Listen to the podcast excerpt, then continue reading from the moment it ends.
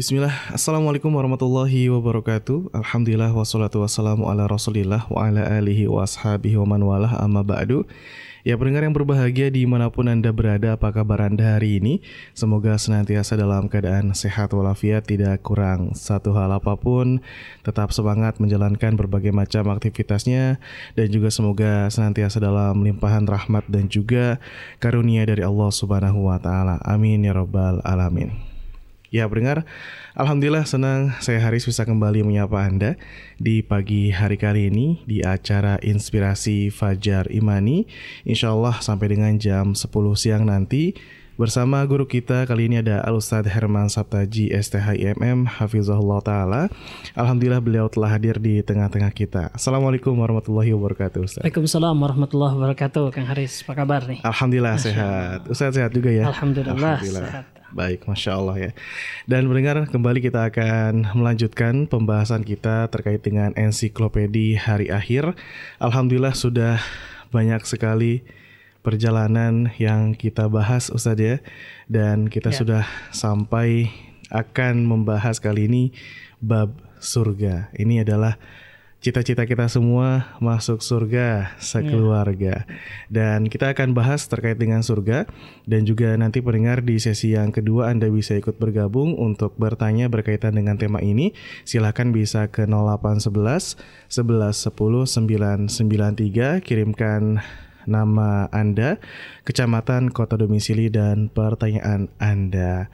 Baik, Ustadz, untuk ya. mengawali kebersamaan kita di pembahasan kali ini, ini ada sebuah pertanyaan yeah. yang apa ya mungkin orang-orang bertanya-tanya juga mm. bagaimana Ustadz kalau kita beribadah kepada Allah Subhanahu Wa Taala dengan harapan ingin masuk surga yeah. apakah boleh ataukah kita hanya ya udah kalau beribadah kepada Allah beribadah aja gitu dengan yeah. penuh kecintaan harus ikhlas tidak harus boleh ikhlas. mengharapkan balasan iya, betul. termasuk surga nah ini bagaimana Ustadz penjelasannya silakan baik Bismillah, Alhamdulillah, wassalatu wassalamu ala nabiyina Muhammadin wa ala alihi wa sahbihi wasallam.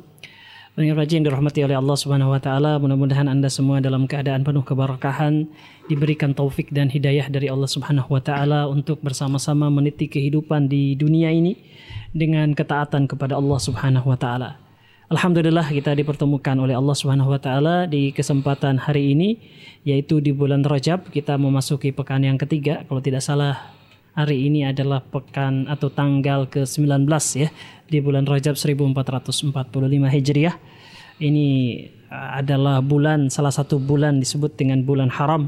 Bulan ketika Allah Subhanahu wa taala melipat gandakan ketaatan kita kepada Allah ya dan juga bulan yang kita harus menjauhkan diri dari perbuatan zalim dan perbuatan-perbuatan dosa. Ya, tadi menjawab pertanyaan yang disampaikan oleh Al Haris ya surga ini apakah apakah boleh kita ketika beribadah kepada Allah Subhanahu wa taala kita mengharapkan surga ya ketika beribadah kepada Allah kita meminta balasan dari Allah Subhanahu wa taala berupa surga Ya, tentu saja ya, bukan hanya boleh tetapi hendaknya demikian gitu ya. Seharusnya demikianlah kita memohon kepada Allah Subhanahu wa taala agar dimasukkan ke dalam surga. Karena cita-cita masuk surga itu bukan hanya manusia biasa seperti kita, tapi manusia-manusia yang terbaik. Dari kalangan nabi pun itu mereka memohonkan untuk dimasukkan ke dalam surga. Contohnya adalah Nabi Ibrahim alaihissalam dia berdoa kepada Allah Subhanahu wa taala, beliau berdoa kepada Allah di dalam ini dikutip oleh Allah Subhanahu wa taala di dalam Quran surat As-Suara ayat ke-85 di mana ketika itu Allah Subhanahu wa taala mengutip firman atau mengutip perkataan Nabi Ibrahim atau doa Nabi Ibrahim waj'alni min warasatil jannatin na'im. Dan jadikanlah aku termasuk orang-orang yang mewarisi yang mendapatkan surga yang penuh dengan kenikmatan. Ya. Jadi di sini ya maksudnya adalah dan jadikanlah Artinya adalah jadikanlah aku termasuk orang-orang yang mewarisi surga yang penuh dengan kenikmatan. Lihatlah Nabi Ibrahim alaihissalam ini adalah salah seorang nabi yang mendapatkan gelar Khalilullah. kekasih Allah Subhanahu wa taala. Seorang nabi yang merupakan termasuk di antara manusia yang paling bertauhid, paling bertakwa kepada Allah Subhanahu wa taala. Disebutkan oleh Rasulullah sallallahu dan oleh Allah Subhanahu wa taala di dalam Al-Qur'an, "Wattakhadallahu Ibrahim khalila." Dan Allah Subhanahu wa taala mengambil Ibrahim menjadi kekasihnya. Ya, ini adalah manusia yang paling bertakwa, manusia yang paling mencintai Allah Subhanahu wa taala. Nah, dengan kedudukannya yang tinggi sebagai manusia yang paling bertakwa, manusia yang paling mencintai Allah Subhanahu wa taala, beliau memohon kepada Allah Subhanahu wa taala dijadikan sebagai pewaris surga. Ya. Padahal kita tahu bagaimana kecintaannya kepada Allah Subhanahu wa taala. Dikatakan disebut dengan beliau ini digelari atau diambil oleh Allah Subhanahu wa taala sebagai kekasih Allah karena memang ya sangat besar sekali cintanya kepada Allah Subhanahu wa taala. Karena cintanya kepada Allah Subhanahu wa taala, beliau rela dilempar ke dalam lautan api ketika kaumnya ketika itu memaksanya untuk menghentikan dakwahnya. Beliau rela untuk diusir oleh ayahnya karena menasehati ayahnya agar jangan menjadi penyembah berhala. Beliau rela terusir dari tanah airnya di negeri Babylon Lantas beliau kemudian mengembara ke negeri Irak, ke negeri Syam, ya. Itu di dalam rangka menyelamatkan kecintaannya kepada Allah Subhanahu wa taala. Bahkan beliau rela berpisah dengan istrinya dan anaknya yang dua-duanya sangat beliau cintai, istrinya Hajar dan anaknya Ismail harus diletakkan di sebuah lembah yang kosong yang tidak ada penghuninya. Ya. Beliau pun bahkan rela untuk menyembelih anaknya yang paling dia cintai, yaitu Nabiullah Ismail yang ketika itu masih uh, berusia muda. Ya, semuanya itu dikarenakan Nabi Ibrahim alaihissalam itu mencintai Allah dan mengedepankan kecintaannya kepada Allah Subhanahu wa taala. Oleh karena itu Allah Subhanahu wa taala menyambut kecintaan Ibrahim itu dengan menggelarinya sebagai Khalilullah ya kekasih Allah Subhanahu wa taala. Dan nabi lain ya yang juga bergelar sebagai kekasih Allah Subhanahu wa taala itu adalah Nabi Muhammad sallallahu alaihi wasallam. Dalam sebuah hadis Rasulullah SAW bersabda dalam hadis yang diriwayatkan oleh Imam Muslim, "Fa innallaha ta'ala qad takhadhani khalila kama takhadha Ibrahim khalila." Sesungguhnya Allah Subhanahu wa taala telah menjadikan aku kekasihnya ya itu orang yang sangat dicintai oleh Allah Subhanahu wa taala. Sebagaimana Allah Subhanahu wa taala menjadikan Nabi Ibrahim sebagai khalilnya. Ya. dan ada kesamaan di antara Nabi Ibrahim dan Nabi Muhammad sallallahu alaihi wasallam bahwa dua-duanya adalah sosok yang sangat mencintai Allah Subhanahu wa taala.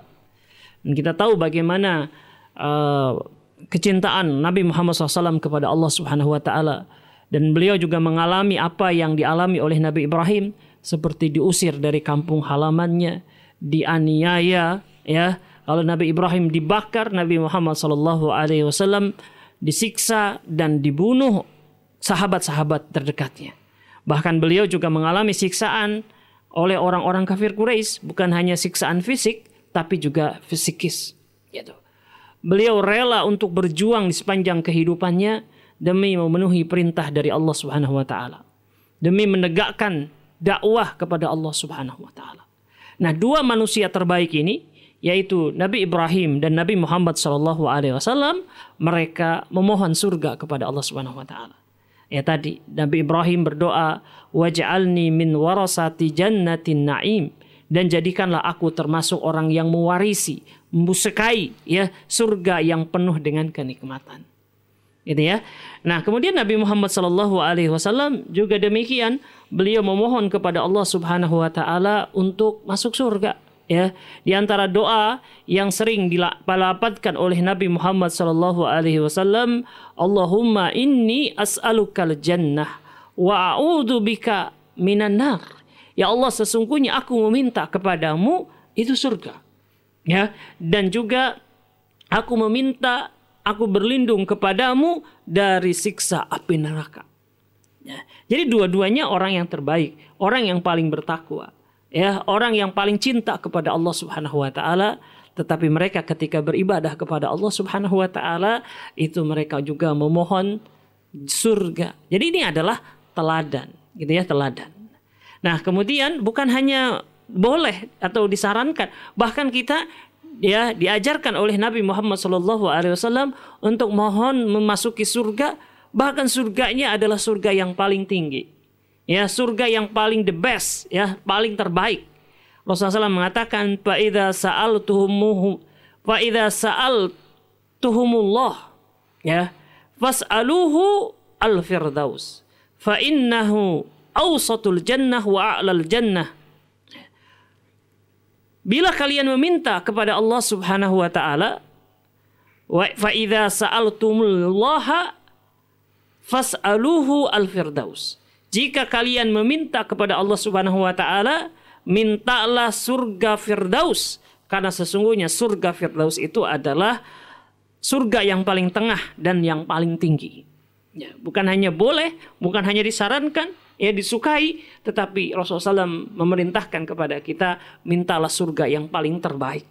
Ya, jadi demikian yang Haris ya. Jadi kita bukan hanya boleh, tetapi disukai untuk memohon memasuki surga Allah Subhanahu Wa Taala. Bahkan kita minta surga yang paling tinggi ya itulah yang diajarkan oleh Nabi Muhammad Alaihi Wasallam ini berbeda ya dengan uh, beberapa orang ataupun juga uh, apa namanya kelompok-kelompok yang mengatakan kita dilarang untuk meminta surga karena artinya ketidakikhlasan nah siapa yang paling ikhlas ya manusia mana yang paling ikhlas kalau dibandingkan dengan Nabi Muhammad SAW dengan para nabi Allah Subhanahu Wa Taala mereka itu jelas adalah para mukhlasin, orang-orang yang ikhlas dan diikhlaskan oleh Allah Subhanahu wa taala. Tetapi di saat itu mereka meminta surga. Kurang lebih seperti itu, wallahu alam. Iya, baik Masya Allah Ustaz. Uh, sebuah penjelasan yang luar biasa ya, bahwa kita diperintahkan oleh Allah Subhanahu wa taala oleh Rasulullah SAW untuk meminta surga. Bahkan kalau minta surga jangan tanggung-tanggung, minta surga yang paling tinggi yaitu surga Firdaus. Nah, Ustadz ini kan yeah. baru awal perdana kita membahas tentang yeah. surga Ustaz ya. Uh, yang selama ini kita dengar bahwa hmm. surga itu punya banyak nama Ustaz. Yeah. Dan sebelum ke namanya mungkin ada definisi yang uh, selama ini mungkin belum kita ketahui surga itu asalnya dari bahasa apa sehingga yeah. dikatakan sebagai surga gitu yeah. Ustaz. Baik. Kita insya Allah Ta'ala beberapa episode ke depan akan membahas ya tentang surga. Dan apa yang kita pernah bahas dan juga kita akan bahas baik itu tentang peristiwa alam akhirat yang sudah lewat pembahasannya. Ataupun juga yang nanti mungkin kita akan membahas tentang kabar-kabar dari Al-Quran maupun hadis Rasulullah SAW tentang surga, tentang neraka, ya kemudian juga kejadian-kejadian lain di alam akhirat. Sesungguhnya itu hanya sedikit ya dari apa yang ada di dalam Al-Quran maupun hadis Rasulullah SAW. Karena keterbatasan waktu, keterbatasan ilmu, ya sehingga kita hanya mencuplik sedikit-sedikit saja. Ya, karena sejatinya kabar-kabar tentang surga, tentang alam akhirat, tentang neraka dan yang lainnya itu sangat banyak sekali. Ya, oleh karena itu saya memotivasi diri saya juga dan pendengar di mana saja Anda berada untuk banyak-banyak membaca ya Al-Qur'anul Karim, membaca hadis Rasulullah atau buku-buku para ulama yang menjelaskan tentang peristiwa alam akhirat jauh lebih luas daripada apa yang dibahas di sini. Ya. Dan apa yang dibahas di dalam nas-nas tersebut tentu ya ini hanya menggambarkan ya uh, apa yang bisa kita serap ya padahal sejatinya kenikmatan surga tentu jauh lebih luas daripada itu semua. Gitu ya. Uh, jadi kita hanya akan membahas secuplik-cupliknya saja ya dan pendengar ya itu bisa membacanya, mempelajarinya lagi bahkan menghadiri ceramah-ceramah lainnya yang membicarakan tentang surga ini ya ataupun alam-alam akhirat. Baik kembali ke pertanyaan. Ya, surga ini memang sudah menjadi bahasa Indonesia. Sejatinya dia adalah bahasa serapan dari bahasa lain, mungkin seperti bahasa Sanskerta, yang artinya adalah tempat yang penuh dengan kenikmatan.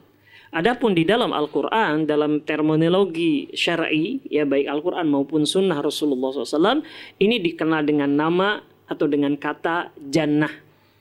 ya jannah gitu. Maka tadi dikatakan Nabi Ibrahim pun berdoa agar uh, dia dimasukkan ke dalam jannatun naim ya yaitu jannah yang penuh dengan kenikmatan. Jadi surga dalam bahasa syar'i ya itu yang paling banyak dikenal dan itu adalah nama umum ya bagi setiap tingkatan surga itu adalah jannah. Ya. Dan jannah ini dalam bahasa Arab asal katanya itu adalah dari dua huruf yaitu huruf jim dan nun. Ya, yang secara uh, arti atau yang dipahami oleh orang Arab itu menggambarkan sesuatu yang tersembunyi. Ya, maka jannah ini artinya adalah sebuah tempat ya, sebuah tempat di akhirat kelak yang itu adalah suatu tempat yang letaknya itu tersembunyi dikarenakan di dalamnya terdapat pohon-pohon rindang yang sangat indah. Jadi dia sebuah taman ya yang tersembunyi ya dikarenakan pohon-pohonnya kemudian juga taman-tamannya itu sangat indah sehingga ketika orang pertama kali mungkin melihatnya dia tidak akan melihat jelas ya tetapi ketika dia memasukinya maka nampaklah keindahan surga tersebut. Nah itu secara bahasa ya. Oleh karena itu ada kata-kata lain ya dalam bahasa Arab yang terdiri dari kata atau huruf jin, jim dan nun yang artinya merujuk kepada bahwa itu adalah sesuatu yang tersembunyi. Ya, misalkan kita tahu ada suatu makhluk yang disebut dengan jin. Ya. Jin itu kan dari sama dari kata dari huruf jim dan huruf nun ya. Yang artinya adalah makhluk yang tersembunyi yang tidak bisa kita lihat dengan kasat mata. Gitu ya. Kemudian ada janin, ini juga sudah jadi bahasa Indonesia. Janin ya, yaitu uh, bayi yang tersembunyi di dalam perut ibunya. Ya, itu juga kata-katanya terdiri dari huruf jim dan nun ya. Kemudian uh, ada lagi misalkan kalbu ya, hati itu dalam bahasa Arab ya ini ada similar katanya, ada persamaannya yaitu jinan. Ya, jinan itu artinya adalah hati, ya. Artinya adalah sesuatu yang tertutup oleh dada. Ya. Kemudian juga ada eh, yang lainnya misalkan ketika malam sudah mulai datang, ya. Misalkan mulai dari maghrib sampai isya, ya. Itu disebut dengan jananul lail ya jananul lail artinya adalah gelap gulitanya malam. Jadi tidak terlihat lagi benda-benda kalau tidak dengan bantuan cahaya. Gitu ya. Jadi uh, secara bahasa artinya adalah sebuah tempat ya yang memiliki pepohonan, yang memiliki uh, tanaman-tanaman yang sangat indah. Ya, itu artinya adalah surga itu sendiri. Ya, sementara surga seperti definisi adalah ya di suatu tempat yang disediakan oleh Allah Subhanahu wa taala untuk hamba-hambanya yang beriman dan bertakwa sebagai balasan atas amal mereka di dunia. Demikian ya. Kemudian tadi ya apa namanya uh, nama-nama ya? Iya, ada ya. tadi yang disampaikan juga oleh Ustadz hmm. ada namanya Jannah Firdaus Ustadz. Ya, Apakah itu juga bagian dari nama nama surga? Iya, jadi di dalam Al-Qur'an ini atau dalam hadis Rasulullah SAW itu surga memiliki nama-nama lain ya dan juga terkadang nama-nama itu merujuk kepada surga tetapi dengan keanekaragamannya. Jadi surga itu tidak hanya satu ya, ada yang paling tinggi, ada yang di bawah ya, tapi semua itu adalah penuh dengan kenikmatan dari Allah Subhanahu wa taala.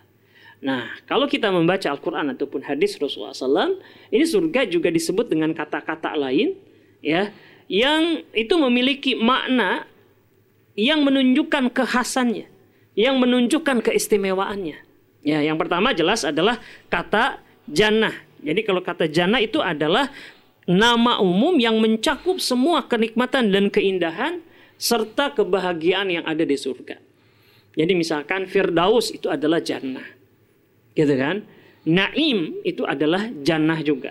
Jadi dia nama umum ya jannah ya.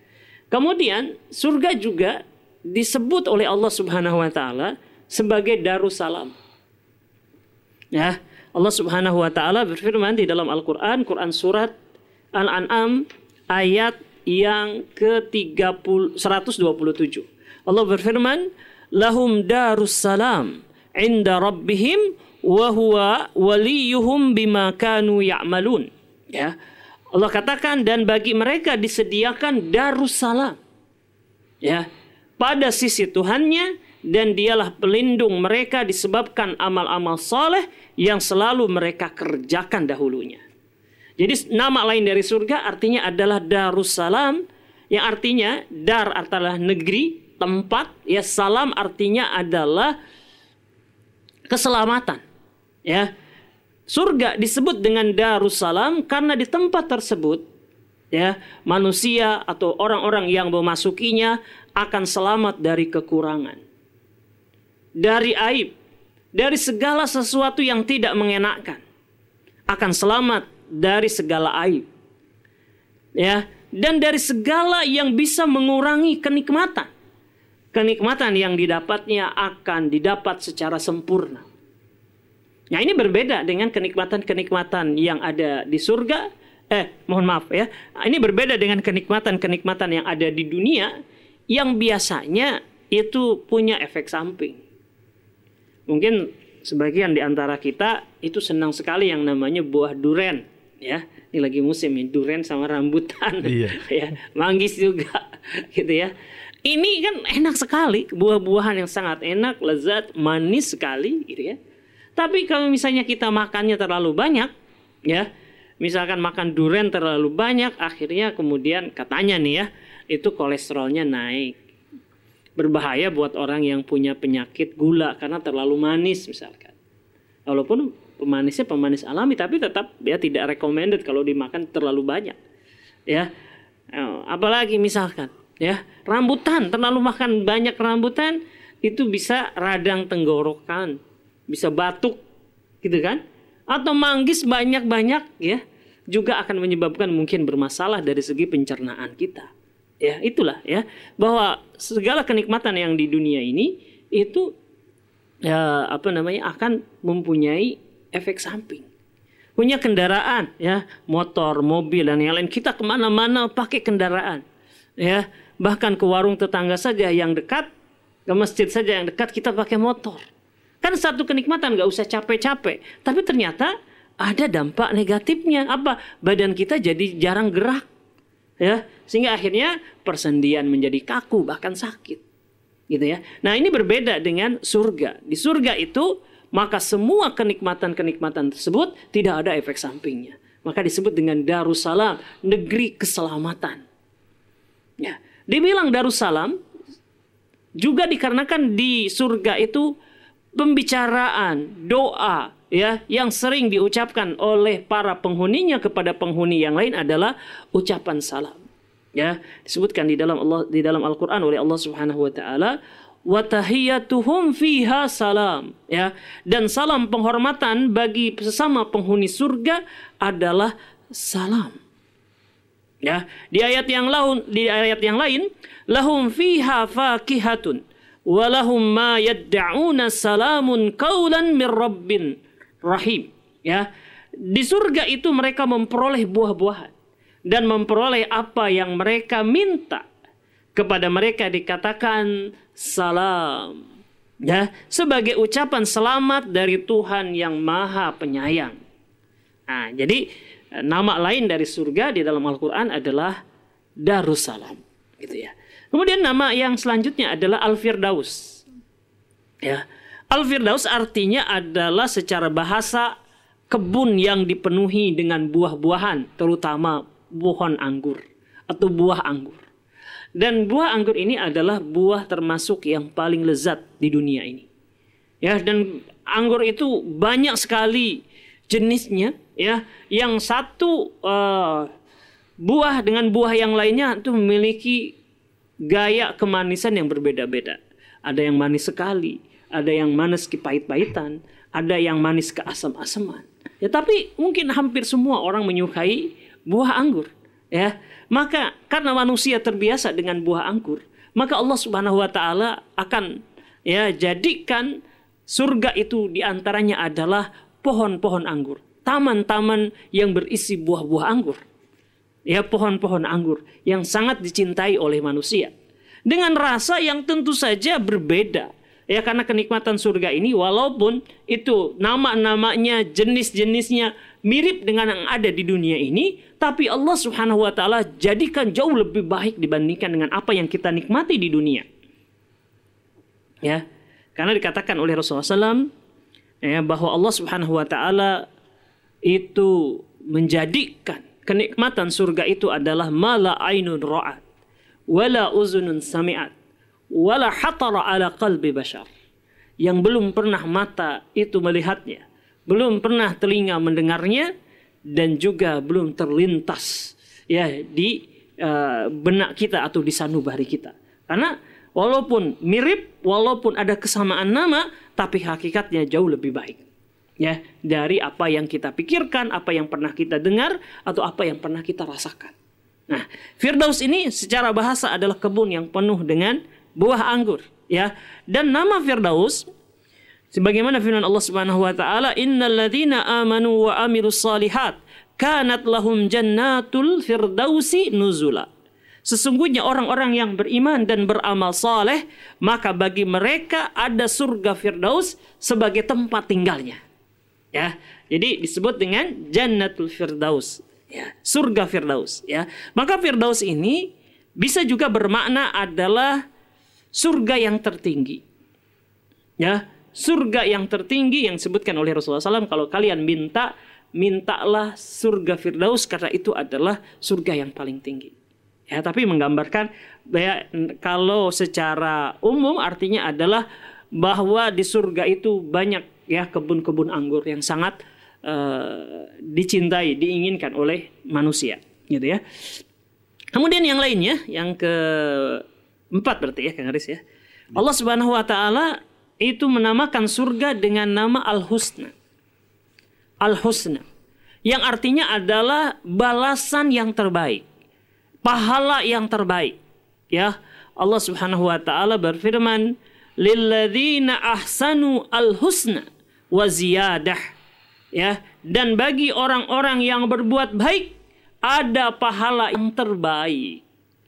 Ya, ada balasan yang terbaik yaitu al-husna yang maknanya adalah surga dan juga berupa ada lagi tambahan-tambahannya. Nah, jadi Allah Subhanahu wa taala mengganti ya ataupun menamakan surga dengan nama lain yaitu al-husna yang artinya adalah balasan terbaik. Ya. Kemudian nama yang lainnya dari surga ini adalah Tuba. Ya, Tuba. Ya, disebutkan oleh Allah Subhanahu wa taala di dalam Al-Qur'an, Quran surat Ar-Ra'd ayat ke-29. Alladzina amanu wa amilus salihat tuba lahum. Ya, wa husnu wa husnu ma'ab. Ya.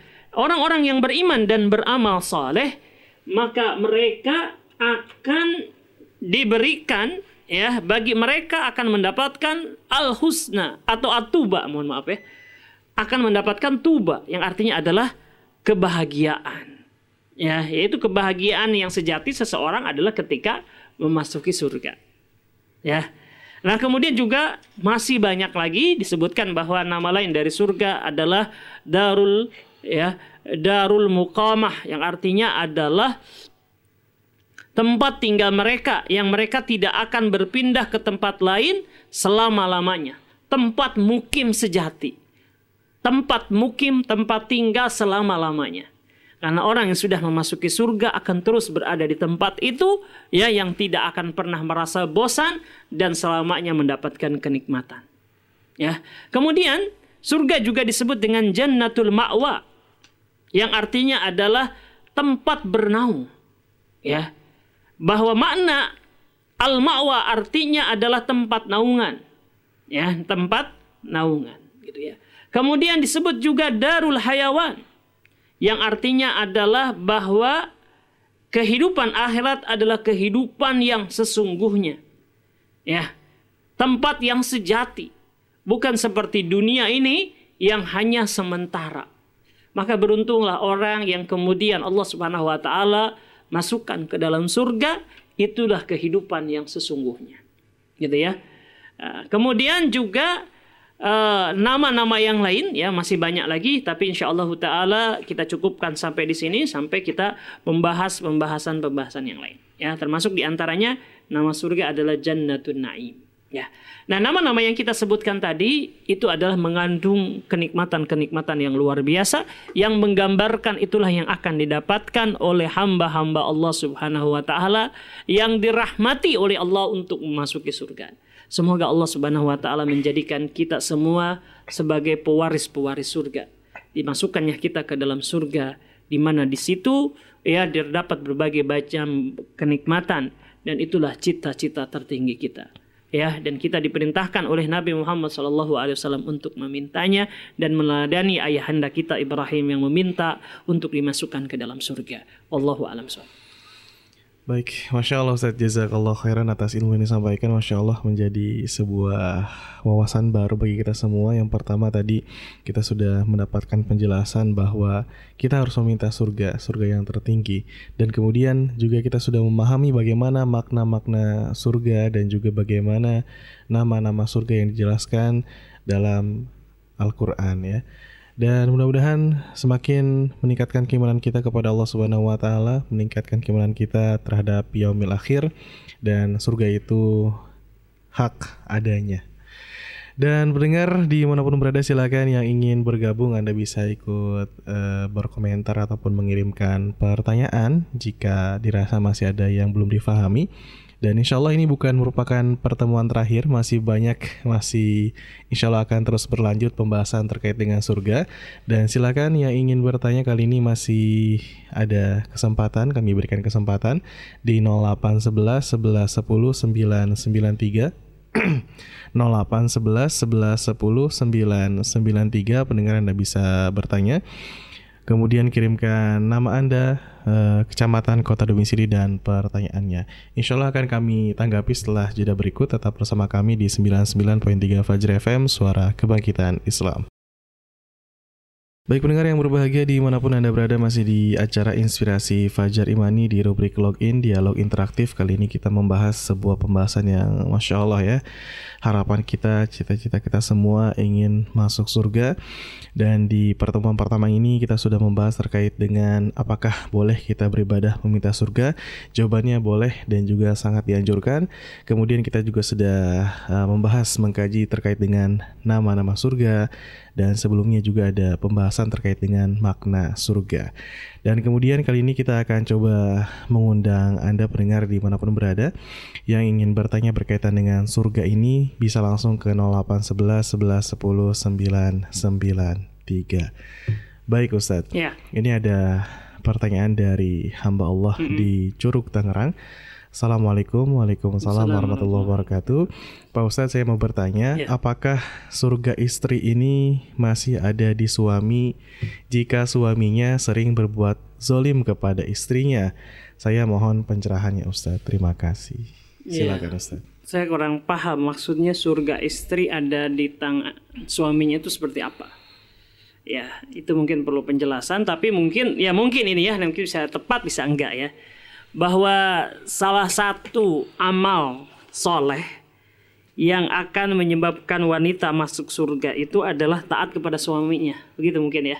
Iya. Iya, berdasarkan hadis Rasulullah Sallallahu Alaihi Wasallam, jika seorang wanita itu menjaga sholatnya, menjaga kehormatannya, mentaati suaminya, ya dan melaksanakan saum Ramadan, kalau tidak salah ya terjemahan hadisnya itu seperti itu, maka dia akan uh, memasuki surga dari pintu mana saja yang dia kehendaki.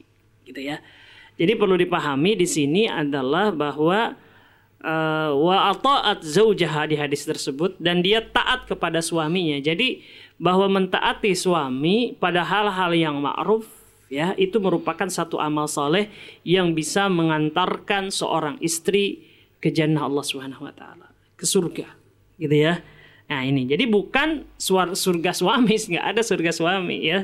Semua surga adalah milik Allah Subhanahu Wa Taala yang dikhususkan bagi hamba-hambanya atau yang memang mereka kemudian melaksanakan amal-amal soleh yang ditentukan oleh Allah Subhanahu Wa Taala.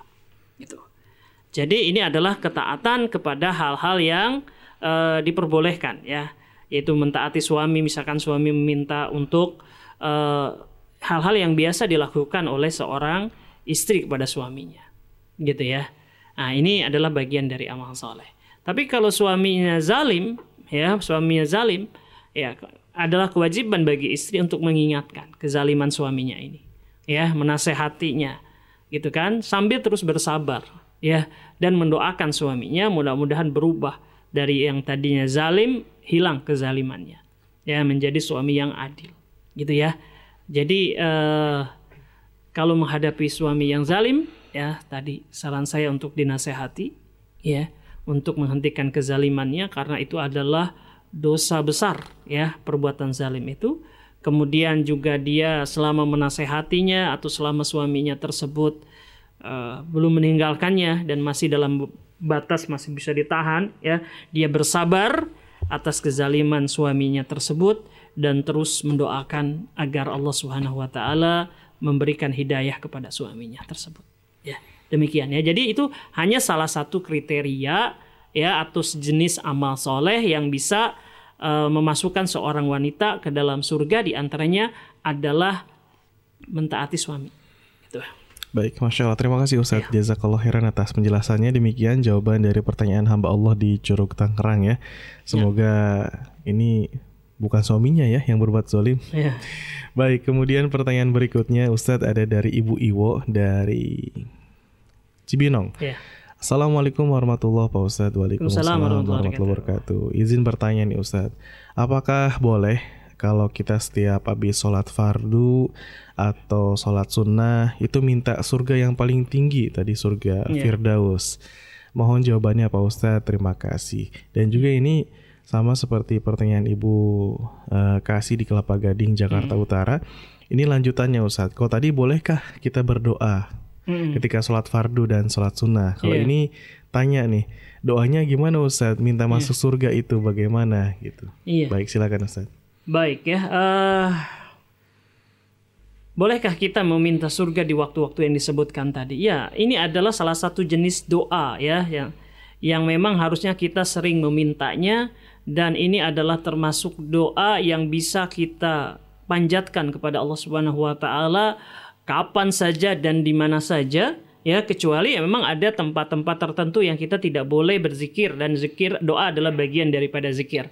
Seperti misalkan di kamar mandi di WC kan tidak boleh kita ya. Tapi di tempat-tempat yang lain ya di kesempatan-kesempatan yang ada maka ya ini kita dipersilahkan untuk berdoa kepada Allah Subhanahu wa taala. Termasuk memohon surga kepada Allah Subhanahu wa taala baik sesudah sholat, sebelum sholat, ya, atau mungkin setelah zikir kepada Allah Subhanahu Wa Taala, kemudian juga di sepertiga malam terakhir ketika waktu-waktu tertentu yang disebutkan itu adalah waktu-waktu mustajab ya atau kemungkinan besar doa itu akan dikabulkan oleh Allah seperti sedang dalam perjalanan ya kemudian juga ketika turun hujan gitu ya ketika terzalimi gitu kan? Ah maka kita berdoa kepada Allah Subhanahu wa taala dengan doa-doa apa saja yang mengandung kebaikan termasuk di antaranya adalah memohon surga gitu ya. Jadi silahkan ibu tidak ada masalah ya. Eh, sering-sering berdoa kepada Allah Subhanahu wa taala memohon surga, memohon kebaikan dunia akhirat, memohon kesolehan untuk anak kita, untuk suami kita, untuk istri kita ya, itu dipersilahkan gitu ya. Kemudian bagaimana cara memintanya? Ya tadi bisa dengan uh, yang diajarkan oleh Nabi Muhammad Sallallahu Alaihi Wasallam atau juga dengan bahasa kita pun tidak masalah. Ya, tentu lafaz yang terbaik adalah lafaz yang diajarkan oleh para nabi Allah Subhanahu wa taala. Seperti Nabi Ibrahim berdoa, "Waj'alni min warasatil jannati na'im."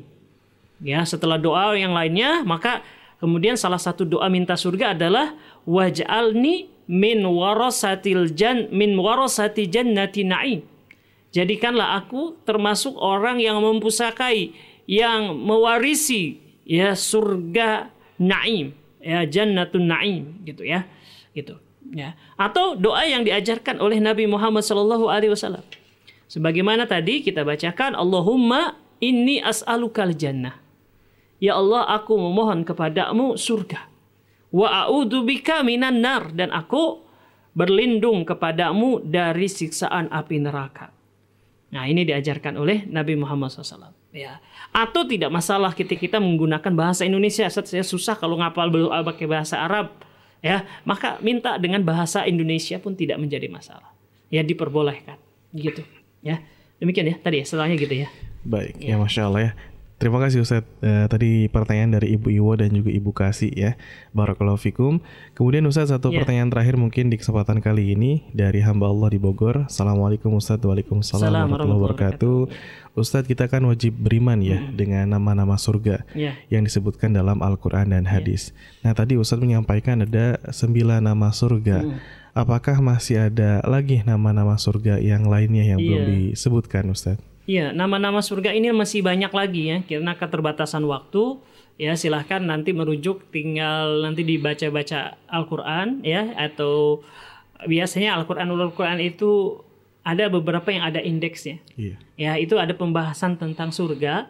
Itu biasanya ada nama-nama surga yang ada di dalam Al-Quran. Itu banyak ya, banyak ya. Bisa sebutkan di antara tadi itu ada sembilan. Ya, saya sebutkan lagi tambahan-tambahannya secara singkat saja. Misalkan tadi uh, ada berapa tadi yang kita sebutkan sembilan ada ya? Sembilan Ustaz. Ya, oke, kita tambahkan lagi beberapa di antara nama-nama surga. Yang pertama tadi saya sebutkan ulangi lagi ada surga Firdaus, ada namanya Jannah, kemudian ada lagi namanya Darul Khuldi. Yang artinya negeri yang abadi, ya. Kemudian ada Jannatul Ma'wa, eh tadi sudah ya Jannatul Ma'wa. Kemudian ada Aden, ya surga Aden ya. Ini di dalam Quran surat Maryam ayat ke-61. Kemudian Jannatun Naim surga Naim ya. Ini ada di dalam surat Luqman ayat 8 kemudian juga ada yang namanya Jannatul Khuld ya. Kemudian ada lagi namanya Maq'adus Sidqi ya. Yang artinya adalah surga yang di dalamnya terdapat taman-taman dan sungai-sungai ya Kemudian ada qadam sidqin, ya. Kemudian ada al-maqamul amin, tempat yang dipenuhi dengan keamanan, ya. Kemudian juga surga disebut dengan nama Darul Qarar, ya. Uh, yang artinya adalah tempat yang kekal. Ya, surga juga disebut dengan Darul Muttaqin, ya, yang artinya adalah negeri bagi orang-orang yang bertakwa, ya. Kemudian juga uh, disebut dengan gurfah ya yang artinya adalah rumah. Ya karena orang-orang yang beriman rumah mereka itu di surga. Gitu. Ya jadi banyak. Ya jadi kita tidak bisa sebutkan satu persatu. Saya sarankan untuk membuka mushaf Al-Qur'an terjemahan yang ada indeksnya. Ya di situ disebutkan nama-nama surga seperti itu. Jadi yang saya sebutkan tadi di awal hanya sembilan masih banyak yang lainnya. Gitu Baik, ya masya Allah Ustaz. Dan hmm. ini sekaligus pertanyaan terakhir hmm. ya yang akan eh, yang sudah dijawab ya bukan yeah. akan dan ada beberapa pertanyaan yang sudah masuk yang hmm. uh, tidak sesuai dengan tema kita mungkin akan dijawab di kesempatan berikutnya hmm. dan juga yang baru mengirimkan pertanyaan karena waktu kita terbatas mohon maaf mudah-mudahan bisa dijawab uh, di pekan depan karena masih ada insya Allah pembahasan terkait dengan surga. Ustadz ada kesimpulan terlebih dahulu dari pertemuan kita kali ini? Silakan. Iya baik. Dengan di mana saja anda berada, insya Allah taala beberapa episode ke depan kita akan membahas tentang surga yaitu tempat yang kita sangat inginkan yang merupakan cita-cita kita. Maka dengan kita mempelajarinya ya akan nampak bagi kita betapa surga itu sesuatu anugerah dari Allah Subhanahu wa taala yang sangat luar biasa tetapi ini semata-mata adalah karunia dari Allah Subhanahu wa taala, rahmat dari Allah Subhanahu wa taala yang mudah-mudahan dengan pembahasan ini memotivasi kita untuk senantiasa beramal soleh, mengerjakan menabung pahala amal-amal kebaikan dan menjauhi larangan-larangan ataupun dosa-dosa yang menjadi sebab kita amal-amal soleh itu menjadi sebab kita dirahmati oleh Allah Subhanahu wa taala. Ya, yang kita harus tinggalkan dosa-dosa amal-amal keburukan yang merupakan salah satu di antara sebab Allah tidak merahmati kita. Nauzubillah min zalik. Ya. Mudah-mudahan semua kita dipermudah oleh Allah Subhanahu wa taala jalannya menuju surga. Amin amin ya rabbal alamin. Ini saja pembahasan kita. Mudah-mudahan bermanfaat. Wallahu alam bishawab. Baik, amin. Masya Allah. Ustaz, terima kasih banyak. Jazakallah khairan kathiran. Semoga diberikan kesehatan selalu dan diberikan waktu untuk bisa kembali uh, menyampaikan ilmu-ilmunya sehingga banyak uh, pendengar yang menerima manfaatnya dan mendengar yang manfaat berada semoga Allah Subhanahu wa taala masukkan kita ke jannah firdaus amin amin ya rabbal alamin baik pendengar di mana pun berada sampai di sini perjumpaan kita saya Haris pamit undur diri Subhanakallahumma bihamdika asyhadu an la ilaha illa anta astaghfiruka wa atubu ilaik. Wassalamualaikum warahmatullahi wabarakatuh.